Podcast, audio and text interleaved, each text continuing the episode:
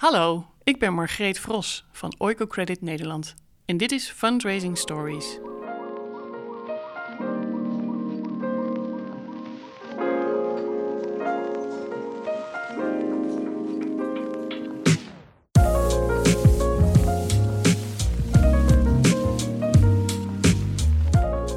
Hallo, ik ben Petra Hogewerf en dit is een podcast van het vakblad Fondsenwerving. Oiko Credit is een organisatie die al 40 jaar bestaat. Het is een wereldwijde investeerder in sociale impact en het biedt een speciaal beleggingsproduct. Het bereikt kleine ondernemers in Latijns-Amerika, Afrika en Azië. Het kapitaal van 1 miljard wordt toevertrouwd aan 56.000 investeerders. Aan tafel zit Margreet Vros, manager marketing en communicatie. Ze heeft een brede ervaring in de communicatie. In onder andere SOS Vakmanschap, Bureau voor Kredietregistratie en de SNS Bank. Zelf ben ik impact-investeerder en ik ben heel benieuwd wat Oiko Credit mij kan bieden als belegger.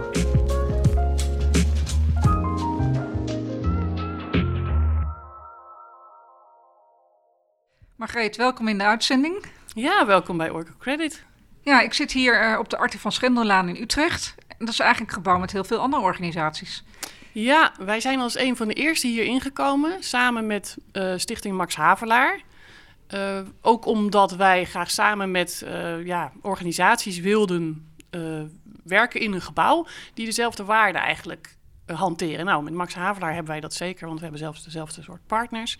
En het gebouw is langzaam aangevuld met heel veel betekenisvolle organisaties. En dat is echt een bewuste keuze geweest. En wij zijn heel blij met de samenstelling nu. En is het uh, st stimulerend om dan te lunchen en andere mensen tegenkomen van andere organisaties? Bij de lunch uh, valt dat wel eens in het niet, omdat ja? iedereen best wel snel gaat lunchen en weer verder. Maar we hebben wel eens kennisproeverij uh, gedaan, bijvoorbeeld. Dat we echt met elkaar uitwisselen. Bijvoorbeeld Nibud zit hier, Jantje Beton. Van hoe doen jullie nou jullie werk? en dat is heel erg inspirerend. Ja, we gaan in op Oiko Credit, een organisatie die al 44 jaar bestaat. Kan ik een felicitatie geven? Ja, deze week waren we jarig. Afgelopen maandag, geloof ik. Ja. Hebben het nog gevierd? Um, met een klein koekje. we hebben het bescheiden gehouden, maar het is wel een mooi moment, ja. ja. Want jullie motto is, uh, las ik op jullie internetsite, rijkdom is hoeveel je voor anderen kunt betekenen. Ik denk dat wij heel veel uh, motto's hebben inderdaad om, om uit te dragen. Dus het, wij focussen inderdaad wel heel erg daarop. Van wat is je eigen rol in het investeren in mensen, het leven van mensen... Ja, die het minder goed hebben natuurlijk dan jezelf. Ja. Zo'n 44 jaar geleden zijn jullie eigenlijk opgericht... toch uit de protestante gemeente, heb ik begrepen. Kan, kan, je daar iets over vertellen, hoe die organisatie tot stand is gekomen? Want volgens mij was het toen een heel nieuwe visie ook op ontwikkelingssamenwerking. Ja, we hebben er zelfs op een gegeven moment de New York Times mee gehaald. Heb ik nog wel eens uh, teruggelezen in de geschiedenis. Ja, het, het hele idee van Oiko Credit is eigenlijk ontstaan eind jaren 60... Uh, toen er binnen de, de Wereldraad van Kerken waren er mensen die ook zich heel erg bezighielden met de politieke situatie en de maatschappelijke situatie in de wereld. Uh, en zij, zij bedachten, ja, al die fondsen die ook kerkelijke organisaties hebben, die moeten we niet steken in foute dingen. Het kan best wel zijn dat je indirect bijvoorbeeld uh, financiert voor het apartheidsregime in Zuid-Afrika of de oorlog in Vietnam. En dat wil je niet. Zeker niet als je een waardegerichte organisatie bent. Dus toen is het idee ontstaan om een, om een fonds op te richten waarin um, de kerkelijke organisaties in eerste instantie, maar ook natuurlijk gewoon daarna breder, waar organisaties en vervolgens ook particulieren dus in kunnen investeren, zodat ze iets goeds doen met hun geld voor de wereld. Bijvoorbeeld het armoedeprobleem aanpakken. En dat is wel een van de eerste dingen die we ook hebben gedaan als Oiko Credit zijn. Een van de eerste investeringen ging bijvoorbeeld naar een boerencoöperatie. En vervolgens is er steeds meer bijvoorbeeld geïnvesteerd in microkredietpartners. Dus het zijn organisaties die feitelijk het microkrediet geven. En Oiko Credit voorziet hen van uh, financiering, zodat zij dat ook kunnen doen en zodat ze kunnen groeien en zodat zij hun sociale missie kunnen, kunnen waarmaken.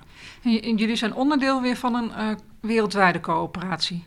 Het zijn eigenlijk aparte organisaties zoals wij hier zitten. Dus wij zijn de vereniging Orco Credit Nederland en wij zijn lid van de coöperatie Orco Credit. Die structuur is best gecompliceerd, maar daar zit natuurlijk ook een gedachte achter. Er zijn heel veel partners van de coöperatie uh, die over de hele wereld eigenlijk bijdragen aan die missie van Orco Credit. En wat wij hier in Nederland doen, is vooral de promotie van wat Credit doet. Uh, echt bewustwording over de sociale impact die je kunt maken en hoe dat werkt. En daarnaast trekken wij dus gelden aan voor het beleggingsproduct. En in Nederland hebben wij een beleggingsfonds, echt Credit Nederland Fonds. En waar wordt dan het beleid ontwikkeld? Gebeurt dat dan in de coöperatie of bij jullie hier in de vereniging? Uh, het beleid van Orca Credit wordt binnen de coöperatie ontwikkeld. Maar wij zijn dus lid van die coöperatie, dus wij mogen daarover meepraten. En zo heb je elk jaar bijvoorbeeld een jaarvergadering waarin uh, alle, alle leden bij elkaar komen. En uh, ja, dan wordt er gestemd, echt op een ledenvergadering, over belangrijke onderwerpen. Die van, van het beleid, maar bijvoorbeeld ook wel rendement gaan we uiteindelijk uitkeren op die investeringen. Ja. aan, de, aan de investeerders hier. Hè? Ehm, maar ja, ook over social performance natuurlijk. Er zijn heel veel betrokken mensen die leden. Uh, dus ja, dat is één, één grote, ja, heel stimulerende de groep van mensen. Uh, maar het is coöperatief, dus het gaat ook niet altijd even snel. Maar ja, wel goed doordacht en heel veel, uh, ja, heel veel betrokken mensen zijn. Ja, democratie kost tijd natuurlijk ja, soms merk je dat er wel wat tijd overheen gaat, gewoon over die besluitvorming. Dus omdat je zo'n ledenvergadering hebt, moet je zaken voorbereiden in een heel vroeg stadium en, en allerlei aparte gremia. En, maar uiteindelijk is dat natuurlijk heel, heel, heel interessant dat het allemaal ledenorganisaties zijn die, die meedenken over het beleid van zo'n coöperatie. Ja. En zeven jaar geleden ben je hier komen werken. Je kwam uit een, uit een wel een soort financiële wereld. Wat is, was jouw motief eigenlijk om over te stappen naar zo'n bijzondere ja, beleggingsproductorganisatie? Ja, toen ik uh, hier kwam, toen, toen had ik dat beleggingsproduct nog niet zo heel erg uh, op het netvlies, moet ik zeggen. Uh, het ging mij meer om het goed doen. Ja, dat is natuurlijk een heel breed begrip, maar ik wil heel graag iets, iets doen wat bijdraagt aan, aan een rechtvaardiger wereld. En dat ik zelf wel, ik heb ook bij banken inderdaad gewerkt, juist met beleggingsproducten. Uh, dat kwam wel goed van pas. Maar wat, ik, uh, wat mij drijft is dat ik ja, iets wil bijdragen aan sociale, maatschappelijke ontwikkeling. En ik vind dit, het product wat wij gewoon bieden, ja, is, is heel praktisch. Het is niet echt een goed doel, maar we dragen natuurlijk wel heel erg breed bij aan, aan wereldwijde impact. En wat is rechtvaardigheid dan voor jou? Ik denk vooral dat iedereen dezelfde kansen krijgt. Wat, wat je natuurlijk heel vaak ziet, en dat heb ik ook wel gezien als ik sprak met mensen die een microkrediet hebben gekregen.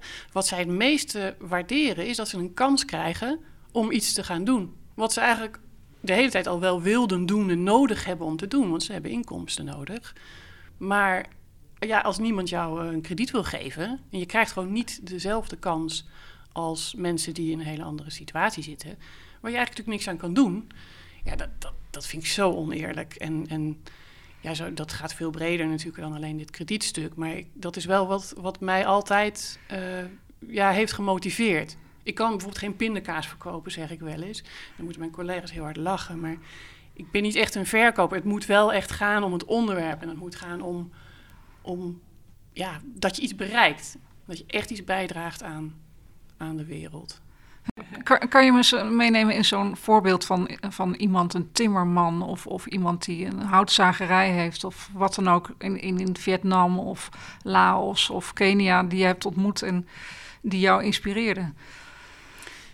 Ja, ik, ik heb inderdaad het geluk gehad om heel veel mensen te mogen spreken. Ik ben een keer naar Ecuador geweest op een uh, studiereis. En dat is heel intensief, omdat je heel veel mensen spreekt. Dus ook onze partnerorganisaties. En wat mij het meeste uh, heeft geraakt eigenlijk bij al die bezoeken, is hoe trots die mensen zijn. Zowel dus onze partnerorganisatie op wat zij doen, maar ook zo'n micro-ondernemer. Dus zij zijn trots op, op het feit dat ze um, iets zelfstandig hebben kunnen opbouwen. En dat ze hun kinderen naar school kunnen sturen. Uh, ook als de omstandigheden heel erg tegenzitten. Dus wat we bijvoorbeeld daar, er was net een, een aardbeving geweest volgens mij in Ecuador. Mm -hmm. Uh, en toen ik uh, opsteeg, was er volgens mij nog één. Voor hun is dat dagelijkse kost. Weet je. Ze hebben zoveel te maken met risico's die hun, hun bedrijf natuurlijk ook uh, bedreigen. zeker als je bijvoorbeeld een boer bent, dan heb je gewoon, ja, voor hetzelfde geld ben je in één keer alles kwijt. Waar je ook in hebt geïnvesteerd. en dat, dat is dus ook zo'n ontzettend oneerlijk ja, oneerlijke verdeling natuurlijk. Want zij willen hetzelfde doen en hetzelfde ondernemen als dat wij willen. Maar ja, wij hebben het geluk dat wij niet zulke, zulke rampen meemaken. En wat, ondanks al die, die omstandigheden en ook tegenslag wat zij gewoon meemaken, uh, blijven ze zo overeind staan en blijven ze gewoon geloven in dus wat zij doen. En, en zijn ze heel trots dus ook op het hele kleine stukje misschien wat ze, wat ze met hun bedrijf bereiken. Namelijk eten op tafel en je kinderen naar school sturen. Ja, wat essentieel is voor de ontwikkeling van een land en van mensen zelf natuurlijk. Ja, ja. in brede zin is het natuurlijk gewoon heel belangrijk dat, dat mensen meedoen aan de economie. Dus dat je überhaupt uh, geld verdient, zodat je ook weer uh, jezelf kunt ontwikkelen, ook je bedrijf kunt ontwikkelen. En uh, dat, ja, die ontwikkeling vind ik wel heel belangrijk. En dat raakte me ook wel. En wat raakte jou? Kan je één persoon noemen die, die jou aansprak? Ja, de, nou, we hebben af en toe mensen gesproken die echt een beetje emotioneel werden. En dat was bijvoorbeeld Lorena, dat was in de Filipijnen trouwens. Ook, ook een land waar, uh, ja, maar ja, niet, niet prettig regime, zeg maar. Hè. De, de slechte weersomstandigheden was laatst ook natuurlijk weer een, eh, een ramp. Um, en uh, ja, zij vertelde ook hoe, hoezeer ze dus bezig was met de toekomst van haar dochter. En uh, dat haar man heel hard moest werken. En die moest een tijdje in het buitenland werken. Dat zij zo graag iets wilde maken van haar bedrijf. Uh, en zij wilde een restaurantje openen naast dat ze rijstvelden hadden.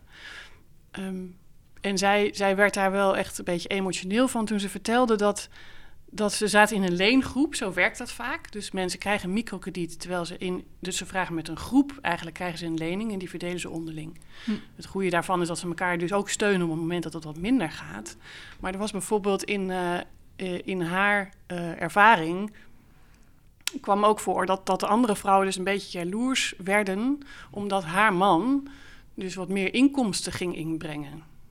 En, en dat is dus zo de tegen, tegengestelde kant natuurlijk van, van hoe trots zij was dat het goed met haar ging.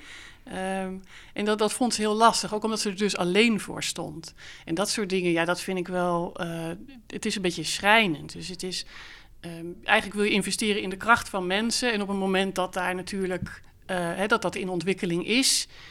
Uh, ja, kan het ook wel weer zijn dat dat een beetje uh, tegen je werkt. Ja, en uiteindelijk kwam het heel goed. Ja, ja en dat, dat is natuurlijk ook logisch, want het is een ontwikkeling die je doormaakt. Maar zo'n persoonlijk verhaal van iemand die, die echt vertelt van nou, dit, dit, dat, dat, dat vond ik zo moeilijk en ik was helemaal alleen en uh, uh, ja, ik wist niet zo goed wat ik moest doen. En ze vertellen vaak ook daarbij, dat deed zij ook, van ja, ik, ik had heel veel steun dus uiteindelijk aan wel andere mensen in die leengroep, maar ook aan die partnerorganisatie. Dat is gewoon een, een loonofficer haar wel gewoon hard onder de riem stak en zei van ja, maar je moet gewoon doorgaan. Weet je, je moet je niet uh, gek laten maken. Je moet doorgaan en, en met jouw droom waarmaken. En daar gaat het vaak over. Het gaat over dat mensen natuurlijk een droom hebben om zelf iets te, te, te kunnen bereiken. Ja. ja, dat is super als je daaraan aan bijdraagt. Want de, de, jullie werken met 667 partners. Eh, die, die, die selecteren dan de mensen die die lening krijgen? Hoe, hoe, kan je daar iets over vertellen? Hoe die selectie van die, die boeren of de, de ondernemers daar ter plekke gebeurt? Ja, de, de, de, de mensen van een microkredietorganisatie um, gaan wel ook actief inderdaad op zoek naar mensen die zij zouden kunnen helpen met microkrediet. Uh, en vaak inderdaad zorgen ze ook voor die organisatie in zo'n leengroep. Hè, dat, dat er een, een bepaalde structuur ontstaat waardoor dat uh, beter te dragen is. Uh, en, en vertellen ze ook over dat ze bijvoorbeeld trainingen kunnen bieden om zo'n bedrijf ook sustainable te maken. Dus dat kan gaan over uh, administratie. Financiële geletterdheid is natuurlijk ook iets waar je wel rekening mee moet houden, dat dat gewoon niet overal is. Um, en wij selecteren natuurlijk op onze beurt ook die partners weer op hun sociale missie. Dus wij gaan ook niet met iedereen een partnerschap aan. Ik bedoel, er waren laatst. Um, uh, in, in, in Cambodja, daar heb ik een stuk over gelezen, dat wij bijvoorbeeld maar zes partners hebben, terwijl er wel uh, 28 uh, microkredietorganisaties zijn. Ik noem maar wat, ik weet die cijfers niet helemaal exact, maar het gaat er wel om dat wij op waarde met hen kunnen samenwerken en dat wij hen mogen ontwikkelen als partnerorganisatie, zodat zij hun klanten weer kunnen ontwikkelen. En zij zoeken ook, zo'n microkredietorganisatie zoekt natuurlijk ook naar passende producten voor degene met wie zij eh, vervolgens ook in zee gaan. En voor boeren is dat bijvoorbeeld heel anders. Die moet je een heel ander product bieden. Die moet je een cyclisch uh, krediet geven, zodat ze zaad kunnen inkopen en dat kunnen verbouwen. En ja, daar moet je wel, uh, daar moeten ze wel naar, naar zoeken en naar streven dat het uiteindelijk die, die ondernemer gaat helpen. En die, die, de, als je kijkt naar, naar jullie impactcijfers, dan hebben jullie echt meer dan 35 miljoen uh, mensen bereikt via die partnerorganisatie in die 44 jaar, neem ik aan. Uh, nee, het cijfer gaat. Uh, het is een, een, jaarlijks cijfer. En eigenlijk is het cijfer het aantal mensen wat onze partners bereiken. Dus wij investeren in die partners, maar er zijn meer organisaties die dat ook doen natuurlijk. Dus we kunnen niet helemaal dat getal claimen. Maar er zijn dus wel 36 miljoen mensen die, die voordeel hebben bij het feit dat ze uh, met onze partners werken. Nou, is wat mij nou intrigeert is dat, uh, we komen zo meteen op het Nederlandse deel en de fondsenwerving, maar nog, uh, nog even stil te staan van hoe, het dan is, hoe dat werkt met die microkredieten. Er zijn misschien ook mensen die niet terug kunnen betalen. Wat, wat, gebeurt daarmee? Nou, dat is natuurlijk een heel belangrijk punt, zeker in de selectie voor ons van de partners. Um, het allerbelangrijkste is dat een microkredietorganisatie dat hoog in het vaandel heeft staan, dat ze zorgen dat mensen bijvoorbeeld niet gaan overkrediteren. Dus dat komt voor, is in het verleden ook voorgekomen, dat mensen ergens een krediet hebben en vervolgens gaan ze naar een volgende partij en zeggen: Ik heb nog een krediet nodig. En voor je het weet hebben ze er vijf bij vijf verschillende organisaties. Dat moet je niet willen. Niemand, de klant niet, de organisatie niet en wij willen dat natuurlijk ook niet. Dus de partner moet, uh, uh, wij, wij werken met Client Protection Principles, dat is een sectorbreed uh, verhaal eigenlijk, waar uh, al die partnerorganisaties moeten die onderschrijven. En dat gaat erover dat je een passend product biedt. Dat je het overkreditering natuurlijk voorkomt. Dat je heel goed kijkt naar de persoonlijke omstandigheden van zo'n ondernemer. En dat moet je ook monitoren. Je moet die mensen natuurlijk ook een bepaalde soort begeleiding bieden als dat nodig is. Niet iedereen is echt uh, is overal voor, voor toegerust, zeg maar. Dat ze bijvoorbeeld hun administratie niet zo goed kunnen doen. Daar geven we ook vaak trainingen voor. En dat doen onze partnerorganisaties ook. En het komt natuurlijk wel eens voor dat iemand iets niet kan terugbetalen. Want er is bijvoorbeeld een ramp. Als ja. jouw oogst weg is, wat doe je dan? Ja. En dan? Wat gebeurt er dan? Nou, daar wordt altijd over uh, uh, gesprekken in elk geval over gevoerd. Want dat is natuurlijk uh, voor niemand goed. Hè, de partner wil dat ook niet. Die krijgt zijn lening niet meer terug. Maar die persoon die zakt meteen weg naar zijn oude situatie. Um, dus er wordt heel vaak dan gesproken over bijvoorbeeld herstructureren van zo'n lening, noemen ze dat. Dus uitstel van betaling of het uh, gewoon over wat langere tijd uh, laten lopen.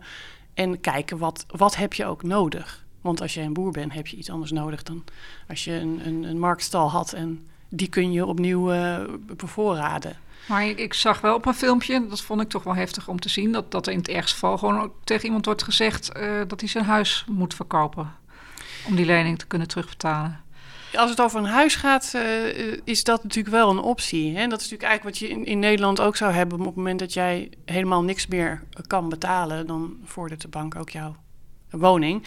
Um, maar dat komt bijna niet voor. Dus het is helemaal, dat, ging inderdaad over dat huizenkrediet, denk ik, uh, van die partner van ons. Um, iedereen wil dat natuurlijk voorkomen. Dat is het allerbelangrijkste. En de, de reden, zeg maar, waarom iemand niet kan terugbetalen, die is essentieel. Dus je wilt, uh, als iemand ziek is en daarom gewoon niet meer zijn inkomsten krijgt, of een familielid is ziek, dat is natuurlijk heel belangrijk, uh, dat die omstandigheden niet tegen je gaan werken. Ja, dan wordt gewoon gekeken van hoe kun je daar dan mee omgaan. Maar in het geval dat iemand uiteindelijk helemaal niet meer van plan is, bijvoorbeeld om het op te lossen, ja, dat soort incidenten komen natuurlijk altijd en overal voor. Ja. Het wordt vaak uitgelicht hè, als het over microkrediet gaat. Er zijn van die ja, kritische geluiden over. En het is, is belangrijk om dat te bekijken. Ja. Uh, maar het streven is natuurlijk voor alle partijen, zeg maar, hier in deze sector, om dat uh, echt ten alle tijden ja. te voorkomen. Nu staan jullie onder toezicht hè, van de AFM. Dus in die zin zijn jullie niet een traditioneel goed doel, maar een heel bijzondere organisatie. Um, hoe, hoe, hoe omschrijven jullie je organisatie eigenlijk? Ja, op verschillende manieren, denk ik. um, het is zo dat wij zelf een vereniging zijn en wij doen de promotie van dat fonds. Dus eigenlijk bieden wij een product aan, wat alleen maar een vehikel is om die sociale investering te kunnen doen. Maar wij moeten het product presenteren als het beleggingsproduct wat het is. Want dat, hè, we moeten voldoen aan allerlei wet en regelgeving. Ehm, maar wij promoten in feite uh, bij voorkeur de impact die we hebben. En dat beleggingsproduct is alleen maar een, een middel, zeg maar, om daaraan bij te dragen. Ja. Maar je moet er gewoon, ja, dat gaat met allerlei toeters en bellen gepaard. Het is natuurlijk iets anders dan sparen. Dus op het moment dat het daar al over gaat, moeten we alle voor- en nadelen uitleggen. En uh, daar, daar zit wel een uh, gebruiksaanwijzing bij, ja. Want, zullen we eens ingaan op de, de Nederlandse tak van jullie organisatie? Ja. Dus de, de, jullie hebben uh, meerdere manieren van, ik noem het toch maar fondsenwerving. Ja. Je, je, hebt de vereniging met 7000 leden en het beleggingsproduct. Ja, klopt. Um, laten we stilstaan bij de vereniging. 7000 leden. Um, is dat een stabiel aantal? Hoe groeit het? Uh, het groeit niet, want de, de meeste van onze leden zijn hele uh, betrokken leden slash beleggers... die al misschien wel wel 30 of 20 jaar, of misschien zelfs al 44 jaar, bij ons zijn... Uh, en ja, wij hebben echt te maken met vergrijzing. En dat, dat speelt natuurlijk meer in verenigingsland wel. Dat, dat het moeilijker is om jonge mensen of nieuwe mensen aan je te binden. Um, maar we, we, we, gaan, we, we, stabiliseren zeg maar, op dit moment wel redelijk in dat ledenaantal, omdat we uh, een nieuw programma hebben ontwikkeld. Om dat lidmaatschap wat, wat leuker te maken, wat interessanter te maken. Dat, dat zijn die talks die jullie doen? Ja, wij doen inderdaad Oiko-talks. En we hebben bijvoorbeeld um, uh, een spreekbeurtpakket ontwikkeld. En dat willen we eigenlijk vooral naar die leden toe uh, willen we dat soort dingen meer doen. Om iets te doen echt voor je achterban. Om wat meer kennis te delen eigenlijk over onze impact. Dat willen we eigenlijk bij voorkeur dus aan de, aan de, ja, aan de leden uh, de bieden.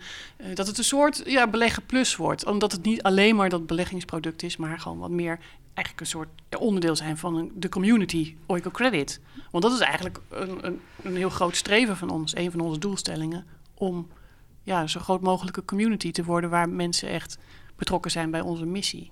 Dus jullie zijn eigenlijk begonnen om, om die 7000 leden die al heel erg trouw waren, dichter bij jullie organisatie te betrekken. Daarvoor hebben jullie die talks waar ook mensen uit Kenia, zag ik, hier ja. komen vertellen wat, wat er gebeurt in hun leven met het krediet.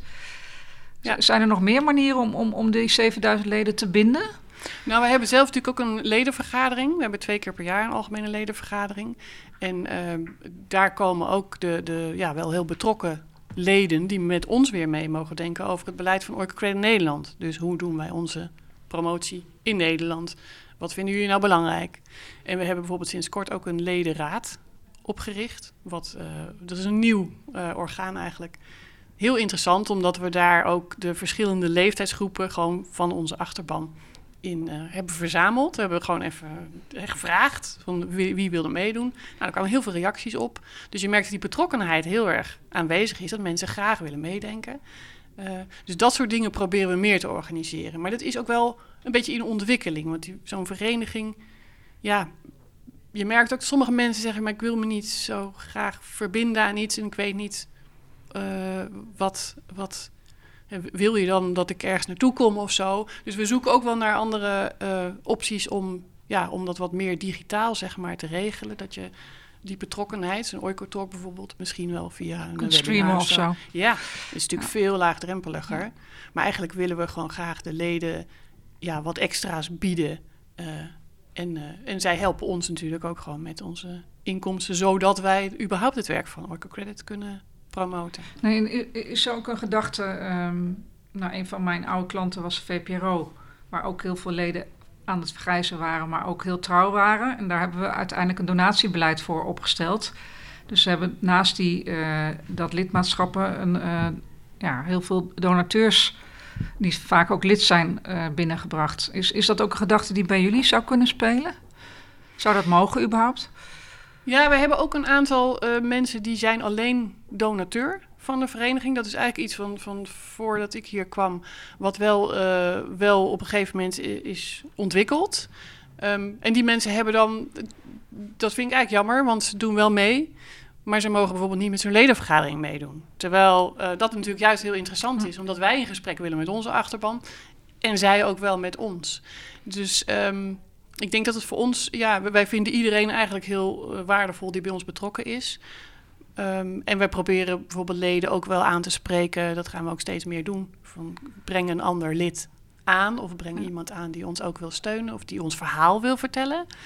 Um, maar dus, juist daar, ja, daar zijn we nog een beetje, uh, ja, dat zijn we eigenlijk een beetje aan het ontwikkelen, laat ik het zo zeggen. We hebben een tijdje wel gewoon wel meer gefocust op het beleggingsproduct, omdat het een stuk urgenter was om daar echt de gelden aan te trekken. Uh, en nu zitten we weer in een soort evenwicht dat we kijken van hé, hey, maar we hebben heel veel proposities. En de vereniging kun je ook schenken, je kunt ook nalaten. Dus dat is wat we eigenlijk de komende jaren ook wel echt onder de loep willen nemen.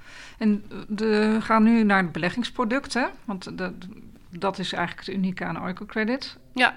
Ehm, leg eens uit hoe dat werkt. Ik, ik, ik, heb 500 euro en ik ben, ik ben zelf ook impact-investeerder. Uh, wat krijg ik dan? Uh, hoe, hoe werkt het eigenlijk bij jullie? Um, wij bieden alleen een fonds dus het enige wat wij bieden is dat beleggingsproduct. Daar kun je al, uh, je kunt al beleggen vanaf 200 euro of vanaf 10 euro per maand. Um, en wij regelen het meestal uh, ja, bijna alles online. Dus je kunt naar onze website gaan en open je een account in mijn omgeving. En dan moet je natuurlijk een aantal gegevens achterlaten, want het is een beleggingsproduct. Dus je moet ook je BSN noemen en je. Uh, natuurlijk een bankrekeningnummer. En je kunt via Ideal geld overmaken of een machtiging afgeven. Dan kan ik ook met bitcoin betalen bijvoorbeeld? Nee. Nee. Nee, dat zijn ook wel weer ontwikkelingen waar wij, wij denken heel vaak uh, heel wild en creatief. Maar daar, dat zijn zaken waar wij... Um, uh, ja, we moeten er heel veel zorgvuldigheid zeg maar, betrachten bij zo'n product en hoe we dat inrichten. Dat, uh, nee, misschien is dat de toekomst. dat durf ik niet te zeggen. Ja. Nee. We krijgen ook nog steeds uh, uh, wel gewoon heel traditioneel inschrijvingen binnen op papier. Organisaties moeten het nog eventjes ook doen op papier, dus dat, dat zijn we ook nog aan het ontwikkelen. Dat, ja, het is, het is heel laagdrempelig, maar ja, wij kunnen daar gewoon nog, nog heel veel meer in, in bieden, denk ik. Ik kan me ook voorstellen dat, dat de, de Nederlandse belegger. Die kan kiezen uit gewoon aandelen of cryptocurrency of allerlei beleggingsfondsen of, of dan jullie product. Wat is dan het extra motief dat mensen toch kiezen voor jullie beleggingsproduct? Terwijl het rendement is op dit moment 0,55 procent, zag ik. Ja. ja. Dat, ja. Dus je concurreert dan niet met, met het dividend dat je uitkeert. Nou, voor ons is het vooral de sociale impact. En dat horen wij echt ook van onze beleggers terug. Hm. Dus inderdaad, het rendement, we hebben daar wel eens vragen over gesteld. Hè? Want is dat voor u een overweging? Uh, waarom? Hè? We vragen aan mensen als ze bij ons komen beleggen. Wat is voor u de grootste uh, motivatie om mee te doen? En mensen zeggen eigenlijk altijd goed doen en de impact die jullie hebben. Ik merk ook dat wij bijvoorbeeld bij onze bestaande beleggers, die ook al heel lang bij ons zijn, die, die um, ja, zien het niet eens zo heel erg als dat het een beleggingsproduct is. Dus je merkt dat zij die vergelijking veel minder maken met bijvoorbeeld een ander beleggingsproduct. Uh, dan, dan dat zoals wij het natuurlijk feitelijk ook, uh, ook zien en we er ook over moeten communiceren. En ik vind dat heel mooi. Hè? Dat is heel mooi dat mensen er eigenlijk in zitten voor, uh, vanuit hun betrokkenheid. Um, en dat, dat, ja, dat geeft gewoon heel erg aan waar, wat voor een soort klanten wij dus ook hebben. Ja. En dat vinden wij wel heel erg waardevol. Er zijn ook hoe, mensen die hoe, wel zeggen van... Goh, uh, vertel eens wat meer over hoe dat financieel zit... en levert het me nou wat op. Um, maar vaak zijn het ook... Uh, is, is het Orca Credit Nederland Fonds bijvoorbeeld... is een aanvulling die je kunt hebben op jouw hele portefeuille. Maar het is een stuk wat heel erg de pure impact uh, nastreeft. En dat is denk ik wel echt wat ons onderscheidt. Maar het, het, het is dus geen gift. Nee. Uh, dus jullie hebben ook geen last van dat gedoe van uh, openbaarheid maken van giften vanaf 15.000. Nee. Um, nou ja, daar hebben we natuurlijk wel mee te maken wat de vereniging betreft, maar niet met dit, dit product. Uh, dus nee, het is een beleg, het is een investering die je doet. En het geld blijft natuurlijk ook gewoon van jezelf. Je kunt het ook elke maand terugkopen. En ja, het grappige is, het, als je het hebt over, over het werven van, van nieuwe klanten, zeg maar, voor dat beleggingsproduct. Ik denk dat, dat veel mensen um, dat ja, dat, dat niet eens zo, uh, zo zien. Dat ze het lastig vinden van, goh, ik wil eigenlijk iets heel erg goeds doen met mijn geld. Maar kan ik het dan ergens storten? Ja. En dan zeggen wij, nou, het is een beleggingsproduct, dus je doet een investering. Dat, dat blijft een beetje zoeken, ook voor de klant. Uh, van ja, maar hoe zit dat precies? En in die zin is het natuurlijk uniek. Dat is heel mooi. En het, het is soms ook, uh, het vraagt wat meer uitleg, denk ik, van ons. Maar wat ik ervan begrijp is dat het dus, het is geen gift, maar het is uh, daardoor ook niet aftrekbaar uh, bij 1%, zou ik maar zeggen. Maar het is, komt in box 3, omdat het een beleggingsproduct is. En een van jullie campagnes is, ik weet wat er met mijn geld wordt uitgespookt. Ja. Dat, dat, spreekt me enorm aan. dat zou ik ook willen weten. Maar zijn er ook wel eens situaties ontstaan waarop mensen hun geld niet terugkregen die ze hebben uitgeleend via jullie product? Nou, wij hebben in uh, het, het, lange bestaan van Oiko Credit, dus al meer dan 40 jaar, is er nog nooit iemand geweest die zijn ingelegde geld niet heeft teruggekregen. dus in die zin um, ja, gaat het heel goed. En natuurlijk heeft dat te maken met de samenstelling van de portefeuille die je ook hebt. Weet je? Het bereik is heel breed. We hebben heel veel partners. Die portefeuille is dus heel erg verspreid. Dus er zitten uiteraard risico's aan een belegging die je doet. Um, maar dat, dat is dus gewoon, gewoon ingeregeld. Je moet natuurlijk zorgen dat je, uh, dat, je dat voorkomt. Dat er, uh, dat er uiteindelijk bij de belegger gewoon dat het geld niet terugkomt. Ik vind dat wel heel bescheiden gezegd als het nog nooit is voorgekomen. Ja, nou, dan mogen we misschien wel wat harder roepen dan ook. Dat geeft wel een beetje het, uh, het karakter misschien aan van, uh, van uh, de, de mensen bij Oracle Credit. Ja, ik denk dat we misschien wel wat harder mogen roepen, hoe goed het ook gaat. En dan begreep ik dat de staatssecretaris snel met een voorstel kwam waar jullie last van hebben. Voorstel voor het aanpassen van vermogensrendementsheffing. Ja, nou ja, Want er wordt niet nagedacht dat, dat een microkrediet iets anders is, of impact, sociale impact investeren iets anders is dan gewoon investeren. Ja, ja. Vind is, dat nog niet uh, doorgedrongen bij de politiek? Of? Ik denk het. Wij vinden dat kwalijk. Ja, daar hebben we ook wel echt een. Uh, uh, we, we, gaan niet zo snel uh, met een hele sterke opinie naar buiten als organisatie. Maar dit vinden wij toch wel kwalijk dat je dat over één kam scheert. Want er zijn grote verschillen natuurlijk tussen fondsen onderling. En een impactfonds is, dat kun je totaal niet vergelijken met jouw belegging die je hebt op de AX en waar je, weet ik veel, 6% rendement op haalt of meer. En waar de, de, risico's zijn natuurlijk ook allemaal verschillend. Dus dat, dat zijn afwegingen die volgens mij een belegger moet maken. En als die kiest dus voor, een, hè, voor eigenlijk een product wat een hele grote sociale impact heeft, wordt hij er bijna een beetje voor gestraft. Nou, dat, dat, dat moeten we niet willen. Gelukkig is het een voorstel, dus het is nog helemaal niet duidelijk. Jullie zijn niet druk aan het lobbyen. Nou, dat niet, maar we hebben er wel iets over naar buiten gebracht, inderdaad. En er zijn heel veel uh, kritische geluiden natuurlijk uh, als reactie wel opgekomen. Dus ik mag hopen dat er nog wat uh, aan gaat gebeuren aan het voorstel. Ja, maar jullie komen ook niet als een heel activistische organisatie over, hè? Nee, dat zijn we niet. Wij zijn toch wel gewoon een, een, een beetje misschien zelfs een beetje te bescheiden geweest in, hè, als je bedenkt dat we 44 jaar bestaan. En uh, nou, ik had nog wel wat bekender willen zijn in Nederland. En hoe bekend zijn jullie eigenlijk?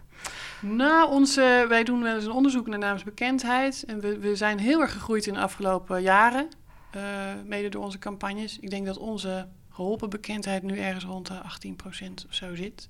Maar als je, ja, volgens mij is het sterk stijgend. Want ik denk dat we begonnen, de eerste meting die we deden, zaten we denk ik op drie. Nou ja, dus, dat, dat, dat, dat stijgt tenminste wel. Ja. Wat, eh, laten we eens nou even ingaan op jullie communicatie. Want ik, eh, ik heb dat met plezier allemaal bekeken. Uh, het gelukspakhuis ik denk dan altijd aan het pakhuis van bij Duk, waar je in kunt zwemmen in het geld. Het lijkt me eigenlijk fantastisch om een keer mee te maken. Ja, mij ook. ja, dat was zoiets bedacht. Ja, dat was eigenlijk de inspiratie. Hè? Met een knipoog naar Dagobert Duk met zijn geldpakhuis. Ja, wie wil dat niet? Uh, dachten wij, zoiets gaan we ook doen. Maar ook al gaat microkrediet over geld, het leidt tot meer geluk bij mensen. Dus wij dachten, we maken een geluks pakhuis. En daarin laten we dat zien. Dus dat is echt die component awareness die wij ook hebben als Oiko Credit Nederland zijnde. Dat we gewoon mensen bewust willen maken van wat dat dan kan doen, microkrediet. Maar leg me even uit, uh, ik begreep dat het op het station stond hier in Utrecht. Eh, oh, wat maak ik dan mee als ik dan in dat gelukspakhuis kom? We hadden daar een zwembad. Het is jammer dat je dan niet langs bent geweest, net op het station op dat moment. We hadden een zwembad gemaakt en daar zaten allemaal uh, schuime hartjes en, en uh, klavertjes 4 in. Dus echt eh, geluk, een zwembad vol geluk. En daar kon je inspringen.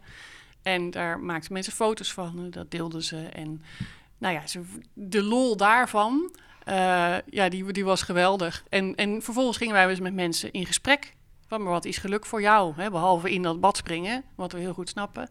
Wat betekent het voor jou? Dus mensen konden een wens opschrijven op een muur en zeggen van geluk van mij is uh, ja, voor mijn familie zorgen of gewoon samen iets leuks doen of pannenkoeken eten. Maar iets voor iemand anders doen, dat kwam heel veel terug daarin.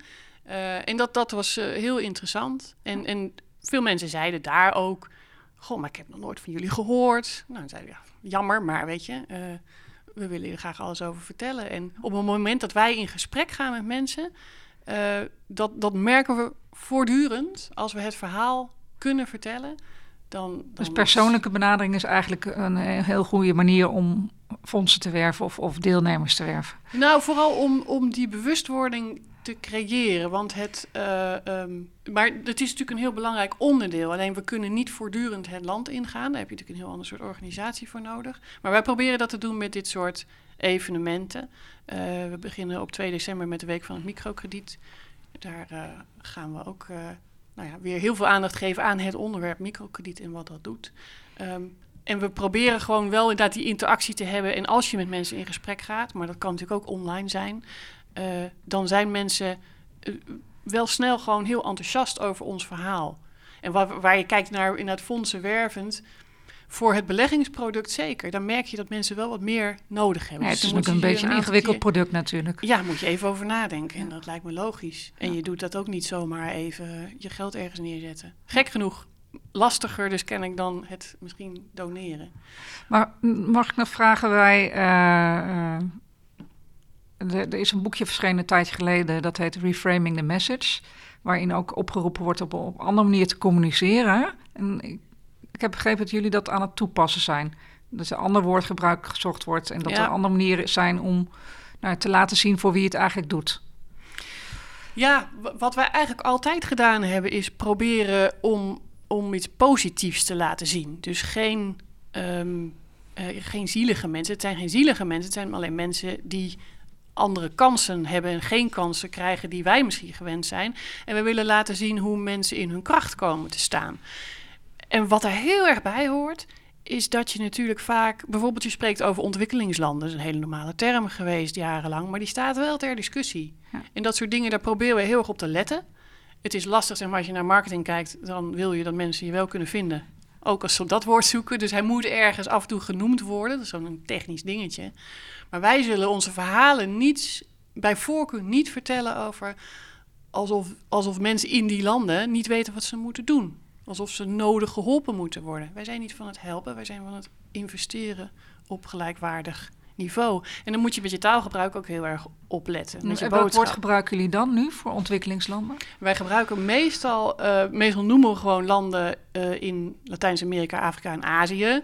Uh, soms lage lonenlanden of mensen die ja, minder inkomen hebben. Of mensen die, het gaat om de mensen natuurlijk. Dus je probeert eigenlijk een beetje om die landen heen te, te bewegen. Het gaat om de mensen die minder kansen hebben dan, dan wij. Bijvoorbeeld op financiële diensten. Nou, nou wil ik nog, mijn laatste vraag gaat over de toekomst. Uh, over tien jaar uh, bestaan jullie neem ik aan nog steeds. Dat hoop ik, ja. Nou zijn ook allemaal trends om ook uh, rechtstreeks geld te geven, ook via de blockchain. er zijn ook allemaal verschillende nieuwe manieren om, om te investeren en ook rechtstreeks te investeren. Is dat een vorm waar jullie over nadenken? Nee, nee. Ik zou, we hebben wel eens een keer gewoon gekeken naar wat, wat uh, crowdfunding was op een gegeven moment een beetje hip. Uh, kunnen wij daar iets mee? En we hebben besloten eigenlijk als Oracle Credit zijn, nee, wij, wij blijven bij ons product. Het is ook vrij ingewikkeld om uh, heel veel te gaan omturnen. We zitten ook in heel veel landen in Europa. We zijn niet de enige in Nederland die fondsen ophalen.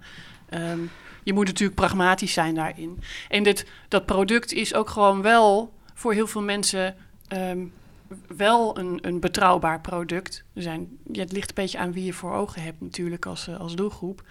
Um, en wat het voordeel van zo'n beleggingsproduct is bewust voor gekozen, is dat er een soort regulering op zit die ze bij bijvoorbeeld uh, crowdfunding nog wel verder moeten ontwikkelen. En wij zijn heel, heel erg gewoon in lijn met wet en regelgeving uh, met zo'n product bezig.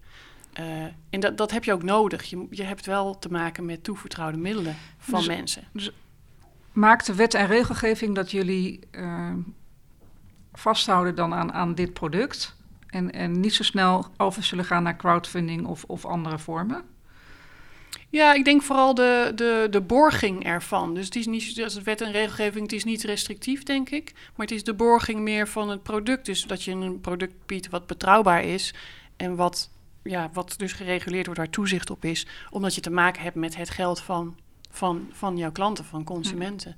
En dat, eh, ik vind het logisch dat je daar ehm, eh, heel zorgvuldig naar kijkt. Dat wij daar heel zorgvuldig mee omgaan. En het is internationaal gezien, omdat we heel veel verschillende van die verenigingen hebben, die allemaal wel weer een net iets ander product hebben. Ehm, we zouden het liefst natuurlijk gelijk trekken. Eh, maar dat, dat vraagt wel weer zoveel, denk ik, aan investering. En dan moet je, ja. Nou, daar wordt heel veel over gedacht. Hè? Natuurlijk, binnen de coöperatie wordt vaak veel over gesproken. Maar eh, onze focus is die impact en die sociale impact. En dan moet je ook kijken van waar ga ik mijn Hè? Waar, houden, waar gaan we onze tijd en resources aan besteden? En voorlopig is dit in elk geval gewoon het beste product wat we kunnen aanbieden. En, en wat is je droom? Waar, waar, waar staan jullie over tien jaar? Oh, ik hoop dat wij dan echt verdubbeld zijn, gewoon in, in überhaupt in bereik en ook in mensen die betrokken zijn bij ons. We hebben nu wereldwijd 57.000 eh, organisaties en particulieren die dus investeren in Oikocredit.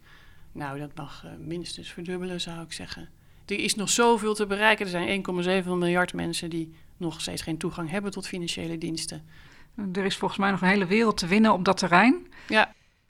Ik sprak vandaag met Margreet Vros, manager marketing en communicatie, werkzaam bij Oikocredit. En deze organisatie richt zich vooral op een beleggingsproduct dat in de markt wordt gezet in Nederland, maar ook in andere landen via een coöperatie. Uh, er zijn 7000 leden en we hebben vandaag vooral aandacht besteed aan hoe ondernemers geselecteerd worden in Latijns-Amerika, Afrika en Azië. En we zijn ingegaan op communicatie en fondswerving. Dankjewel voor dit gesprek. Jij ook bedankt.